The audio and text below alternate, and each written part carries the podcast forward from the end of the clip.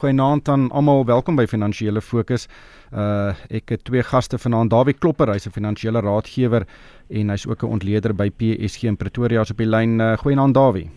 Goeienaand Ryk. En ook Lulu Kriel gesels saam. Sy is die hoofekonoom by PwC in Suid-Afrika. Goeienaand Lulu. Goeienaand Ryk. Goeienaand Dawie. Lulu, ek wil begin by die Wêreldbank wat hierdie week aangekondig het hulle gaan uh, of hulle het hulle groei verwagting vir Suid-Afrika vir 2020 van 1.5% tot 0.9% gesny. Dit is uh amper gehalveer en uh die Wêreldbank wys die vinger na Eskom en sê Eskom kan eenvoudig nie net nie genoeg elektrisiteit vir ons ekonomie opwek nie. Nou ek neem aan dis die glad nie 'n verrassing dat hulle dit gesny het nie want geen groei gaan eintlik moontlik wees indien ons nie genoeg elektrisiteit het nie.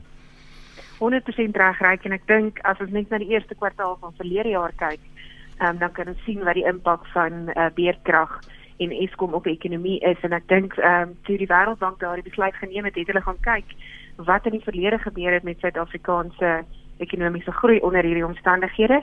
En uh, ja, dit dit is nie goeie nuus nie, soos jy sê, ehm um, dis byna 'n halvering van die van die groei wat ons sien en die ekonomie moet ten minste teen 1.5% groei as ons net uh, net wil bly waar ons is. So op 'n per capita basis teen 9% word ons net al hoe armer. Ja. Wat is jou voorspelling vir 2020? Ryk, um, ons het op hierdie stadium ook as uh, PwC ons uh, ons voorspelling is onder 1% vir hierdie jaar. Ehm um, oorsaaklik ook maar gedrewe omdat ons nie op hierdie stadium ehm um, enige einde insig sien vir Eskom se probleme nie en uh, tensy daar drastiese stappe daar geneem word, uh, verwag ons ook dat die ekonomie werklik gaan sukkel om bo kan 1% te groei hierdie jaar. Daar wie jou gedagtes? Ja, ek dink ons um, weet hierdie eh, Eskom saak is 'n groot probleem vir die land. Ons lei aan 'n sogenaamde krisis van vertroue. Ehm um, hierdie ehm um, Eskom en sy probleme is besig om uh, vertroue verder onder druk te plaas. Ons weet reeds dat ehm um, sakevertroue op baie lae vlakke is, op rekordlae vlakke is op hierdie stadium. Verbruiksvertroue, verbruikersvertroue is op baie lae vlakke. Alles as gevolg dink ek onder van van die as gevolg van die probleme by Eskom. En natuurlik die die deurspoel effek nou dat ehm um, dat dat dat hierdie saak nie gou opgelos gaan kan word nie. Dit gaan 'n tyd vat. Ons weet dit, 2 jaar en langer om die Eskom probleem op te los. Ons gaan dalk hierdie hele jaar lank met weerkrag sit. Ehm um, so die die ons is besig om in te prys en te verwag ehm um, of ons dit heeltemal af te skaal ons verwagtinge van wat kan gebeur. En miskien sit dit ook in 'n bietjie selfvervullende ehm um, situasie om ongelukkig. Ja, ek mens net kan nou regtig negatief raak oor Eskom en en ek dink almal van ons verstaan die penarie waarin Eskom sit. Uh dit is 'n moeilike probleem om op te los. Uh maar Lulu ek dink Piet Kroukamp het dit in in kommentaar baie goed opgesom deur te sê daar is oplossings wat vinniger kan wees as wat die regering op die tafel plaas. Die private sektor kan 'n baie groot rol speel om relatief vinnig binne 'n jaar, binne 2 jaar uh genoeg opwekkings uh, vermoëns te skep sodat ons nie meer elektrisiteitsprobleem het nie en dit is een van die dinge wat die regering en veral die president vinnig kan doen om die situasie om te keer. Absoluut en ek dink um, dit kan 'n baie interessante bykans nuwe sektor in die ekonomie uh skep met nuwe werksgeleenthede. Ehm um, dit is definitief 'n 'n opsie wat ons sien, maar daar moet veranderings kom in in wetgewing om dit toe te laat. En daar is ook sekere strukturele veranderings wat by Eskom ook moet gebeur om dit toe te laat. Byvoorbeeld die herverkoop van elektrisiteit en dan om dit weer aan Eskom te verskaf. Ek verstaan nie noodwendig al die tegniese uh, detail rondom dit nie, maar ek verstaan dat daar wel veranderings in die wetgewing moet kom en dat Eskom uh ook dat daar sekere veranderings by Eskom moet kom. Maar as ek wil daar is, ehm um, die die ironie is dat dit geleenthede kan skep uh, vir die private sektor as ons nie daardie ehm um, daardie beperkings rondom die wetgewing in die weg kan ry. Ja, David Tito en Beweni het ook hierdie week op Twitter gesê dinge moet nou gebeur. Ehm um, as ons met die status quo aangaan, gaan ons 'n muur tref. Uh en hierdie is dalk 'n geleentheid vir die president om sneller te trek. Mens hoop so. Ehm um, en dit is 'n sekere geleentheid vir hom om dit te doen. Mens moet die vraag vra watter politiek sit agter al hierdie goed. Hier's 'n mens gebruik net die woord spel of is nou 'n stryd aan die gang tussen Tito Mboweni, Pravin Gordhan en Gwedi Mantashe lyk like dit vir mense. En Gwedi Mantashe is op die oomblik die persoon wat lyk like my die sneller kan trek redelik vinnig om toe te laat dat hierdie krag aangekoop word, dan dit opgewerk word en dan aangekoop word. Ehm um, alternatiewe krag ehm um, kan 'n groot verskil maak in in in in die ekonomie. Ons sien al reeds dat die bydrae wat alternatiewe alternatiewe krag lewer tot tot, tot tot totale kragvoorsiening is besig om skerp te styg. Ehm um, dis iets wat so 'n bietjie misgekyk word dalk of of 'n bietjie onderskat word, maar dit kan verder momentum kry deurdat die regte besluite nou vinnig geneem word. En die president gaan moet moet 'n besluit neem. Hy gaan vir Tito Mboweni waarskynlik moet ehm um, hoor wat hy sê en begin doen want Tito Mboweni lyk nou die persoon wat die mees realistiese is oor ons probleme wat op die oomblik voor lê en waar die waar die oplossings vandaan kan kom. Ja. Lulu, ook een van die gesprekspunte van die week was uh, natuurlik nadat die Wêreldbank Suid-Afrika se groeiverwagting verlaag het, is dat die afgradering van Moody's, die laaste groot kredietgraderingsagentskap wat Suid-Afrika op 'n beleggingsgradering het, uh in Februarie daardie uh, status by ons kan wegneem deur ons af te gradeer na die sogenaamde rommelstatus toe. En toe het Martin Ackerman van Citadel gesê dit kan dalk lei dat die rand tot R18 in die dollar kan val, 'n wesenlike verswakking in die geldeenheid.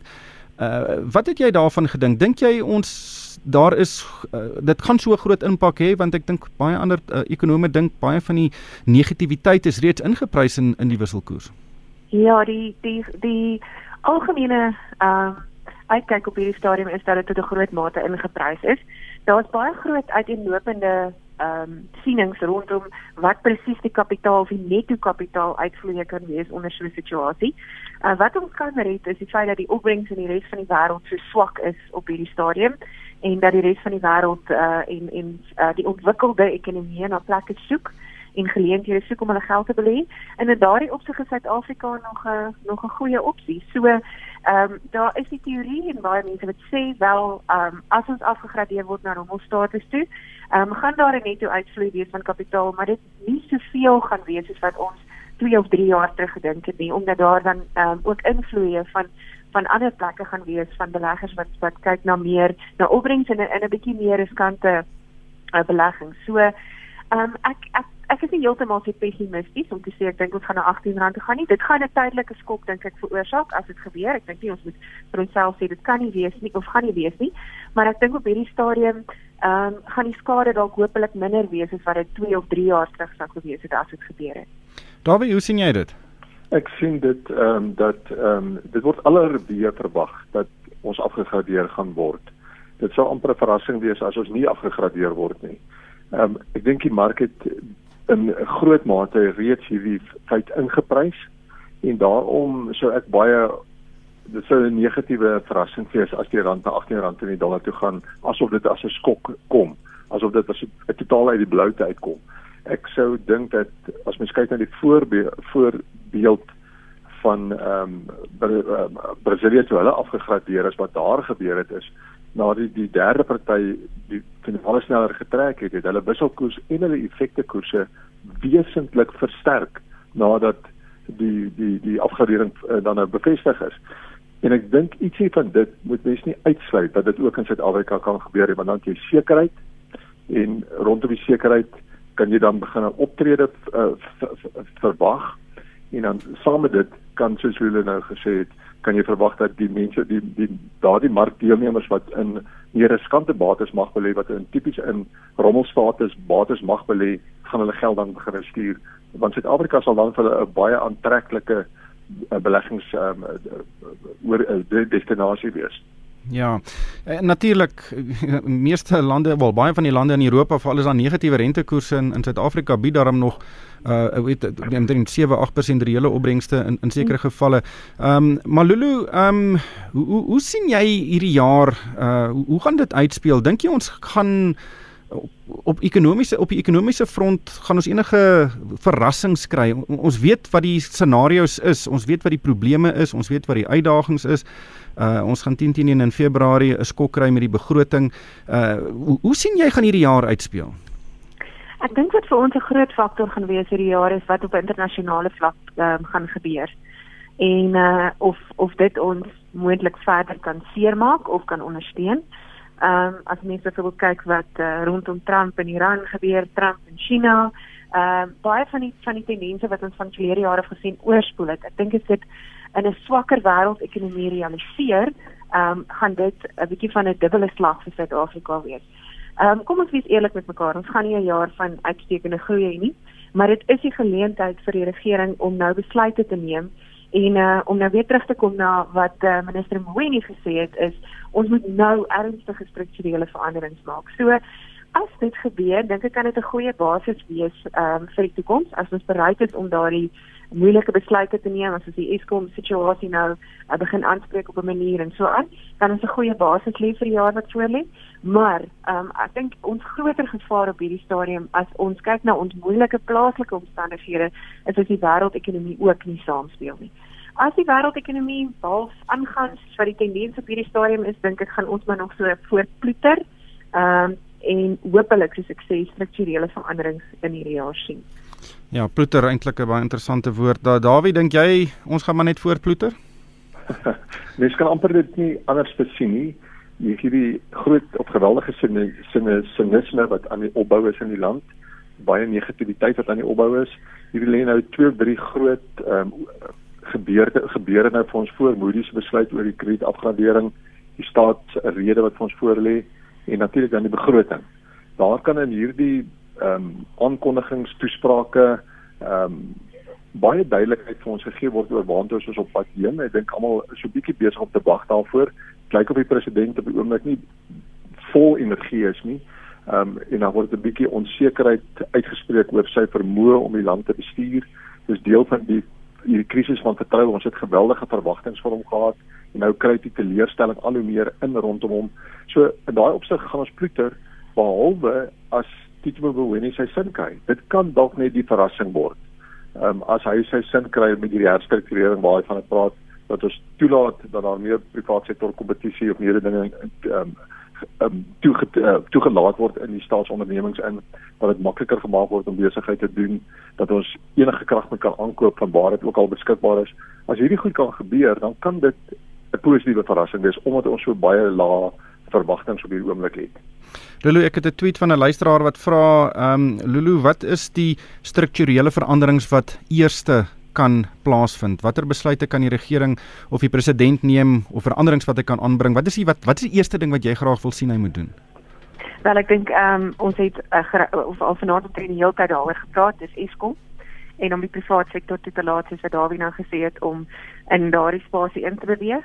Ehm um, ek dink die ander ding is ook om te gaan fokus op ons sterkpunte. Ehm um, ons gaan nie plaaslik uh baie vraag kry na produkte nie. So vir my ehm um, sien ek die potensiaal vir groei uh in die uitvoermarkte. So ons moet enige moontlike uh probleme of enige ehm um, enige regulatoriese beperkings wat daar is uh rondom uitvoere ehm um, so ver as moontlik uh probeer probeer verwyder. So vir my dink ek dit waar die groei gaan vandaan kom as ons kyk na moontlike ehm um, sektore vir groei. Ons kyk na sektore soos uh die landbousektor, ehm um, soos ehm um, toerisme, uh want dit is moontlike sektore waar ons kan werkskeping sien en ook waar uh waar daar moontlike uh, potensiaal vir internasionale wel uitvoer in die arbeid ar, arbeidskant maar in toerisme kan ook 'n invloed van buitelandse geld in Suid-Afrika hê. Ja, en ook hopelik kan dit 'n verbetering in sake vertroue en beleggersvertroue meebring want ek dink vertroue vlakke is so laag en dit natuurlik uh, het 'n baie groot impak op beleggings. Uh, Dawie, ehm um, kom ons kyk 'n bietjie na maatskappy nuus. Uh, Takeaway, uh, dis die Nederlandse maatskappy. Hulle het toe vir Just Eat gekoop. Nou dis nou hierdie ehm um, kitskos afleweringsdiens wat nou so gewild word reg oor die wêreld. 'n uh, Mededinger vir Uber Eats wat natuurlik bietjie meer bekend is in Suid-Afrika. En hulle het vir uh, Prosus uitgestof dat wat natuurlik Naspers se internetafdeling is wat ook in in die buiteland genoteer is. Uh, die dis 'n baie groot transaksie, 110 miljard rand wat uh, Prosus nou verloor het. Uh, wat het jy gemaak daarvan? Dink jy dis 'n uh, dit is 'n uh, negatief in Aspers en Prosus? Ek dink nie dis negatief nie. Toe hierdie transaksie die eerste keer aangekondig is op dat Prosus se belangstel om om om hierdie besigheid oor te neem om vir Justy oor te neem en hulle het teenoor teenoor Takeaway gemaak, was ek eintlik onaangenaam verras geweest daaroor. Hulle het hierdie geweldige bedrag geld wat hulle wou betaal het om hierdie besigheid oor te neem 112 of 110 miljard rand soos jy nou gesê het. Dit is ehm um, baie kos wat moet afgelewer word om daai prys enigstens te regverdig. Ek sien nie dat die mark so dit kan regverdig dat hierdie prys betaal nie. So ek dink is eintlik 'n bedekte seën dat Prosus nie hierdie transaksie kon aftrek nie. Ehm um, ek sal glad nie nou op hierdie stadium dink ek in die nuwe maatskappy wil belê nie. Just Eat Takeaway gaan sy naam wees. Ek sal nie my geld in daai besigheid nou wil gaan plaas omdat ek dink dit is die volgende groei, geweldige groei area in die wêreld nie. Ek dink daar's baie beter groei areas in die tegnologie spasie as in kosaflewering. Lulu, bestel jy gereeld op jou selfoon kos en wag dat dit afgelewer word? Gebruik jy daai dienste? Ek moet bieg ek doen alles aanlyn van kruideniersware en um, so nou en dan moet moet jy op Vrydag aand ehm um, dan is dit lekker om maar weer eens is is daar weer gesê daar's reeds 'n klomp ander opsies. Uber Eats, uh, Mr Delivery wat self heeltemal so ander het. So daar's sterk kompetisie en dit gaan moeilik wees vir 'n vir 'n ander maatskappy om in daai spasie in te kom. Maar ja, ek ek moet sê ek is een van daardie mense wat letterlik omtrent alles aanlyn doen. Ja, ek ook en baie keer oor middagete daar by Moneyweb, like klink dit asof haar motorfiets bende aankom soos wat uh, koste afgelewer word. Interessante sakemodel, maar daar was soos jy gesê het 110 miljard rand is 'n groot hoeveelheid geld um, en dan moet baie kos afgelewer word om dit uh, te regverdig. Dan het la, uh, laastens Dawie ook um, Daniel uh, Momela van uh, die voormalige adjunkpresident van die Reserwebank is nou Absa se nuwe uitvoerende hoof. Uh, dit was eintlik 'n baie uh dit was 'n wat's nie 'n baie goeie geheim wat gehou is nie want hy moes 6 maande moes hy bietjie in sy tuin werk nadat hy by die Reserwebank weg is. Hy kan nou weer by die bank begin, by Absa begin werk. 'n Baie goeie aanstelling um by Absa, maar hy het uh hy het 'n groot taak. Hy het 'n baie groot taak, hy het 'n baie goeie CV, hy het 'n goeie agtergrond, hy het sterk bankkennis, al die regte boksies hy kan hy merk. Ehm um, Absa verhandel op die oomblik op 'n prysverdienste van 8 keer. Sy pryse is op op 'n 1 jaar laagtepunt of baie naby aan 'n 1 jaar laagtepunt. So is 'n ideale geleentheid vir hom om die mark om die maatskappy te gaan omdraai van 'n baie lae basis af. Maar op hierdie stadium, hierdie eerste week of wat nou van die nuwe jaar bekendmaking van sy aanstelling, uh, soos jy sê, dit was nie 'n groot geheim nie, maar nogtans en um, dit is nou formeel bekend gemaak. Hierdie aandelepryse het nog glad nie daarop gereageer net dat hy nou die nuwe uh, persoon in die stuur gaan wees nie. So hy kom van die, hy gaan die maatskappy op 'n baie lae vlak optel prysgewys, ander prysgewys. Ehm um, die maatskappy het maar die afgelope tyd bietjie gesukkel dink ek om behoorlik ehm um, vaste plek te kry teenoor die al die ander mededingings wat daar is. Hy gaan moet baie seker weet hier's geweldige mededingings in die banksektor en hy gaan sy werk, hy gaan baie vinnig groot veranderings moet maak, maar ons moet ook weet dit vat lank vir hierdie groot aanstellings om 'n verskil te maak. Ja, dit is uh, baie interessant. Net laastens, Dawie, die banksektor is een van die sektore wat in aanhalingstekens baie waarde bied. Uh dit is relatief goedkoop. Uh van die banke, watter van watter van die banke dink jy bied uh die grootste beleggingsgeleentheid? Ja, ek ehm um, en so met First Bank se pryse is nou nie heeltemal so goedkoop soos van die ander banke nie, maar hy het miskien ehm um, uit die momentum aan sy kant dat hy redelik ehm um, goed ingerig is rondom die stryd ten opsigte van tegnologie wat daar gevoer word. Um, ek persoonlik hou steeds van Capitec. Ek dink Standard Bank as jou grootte uh, het ook die potensiaal om 'n verskil te maak. So dis die banke waarvan mense hou. Ehm um, soos ek nou net gesê het, Absa is baie goedkoop, maar dan nog heelwat werk geskied voordat hy kan omdraai. Ons banksektor is goedkoop. Die gevaar is natuurlik dat die hele ehm um, internet kompetisie wat banke besig is om te te tref, kan dit hulle baie moeilik maak om werklik aan die groei te kom. Mens moet net so bietjie versigtig wees ook daarvoor dat jy nie hier in 'n sogenaamde ehm um, value trap inbeland nie. Ons sal ongelukkig daar moet haltroep. Baie dankie aan Dawie Klopper, hy's 'n finansiële raadgewer en ontleder by PSG in Pretoria en ook Lulu Kriegels, hy is die hoofekonoom by PwC in Suid-Afrika. En vir my ryk van die kerk, dankie vir die saamluister en ek hoop almal het 'n winsgewende week.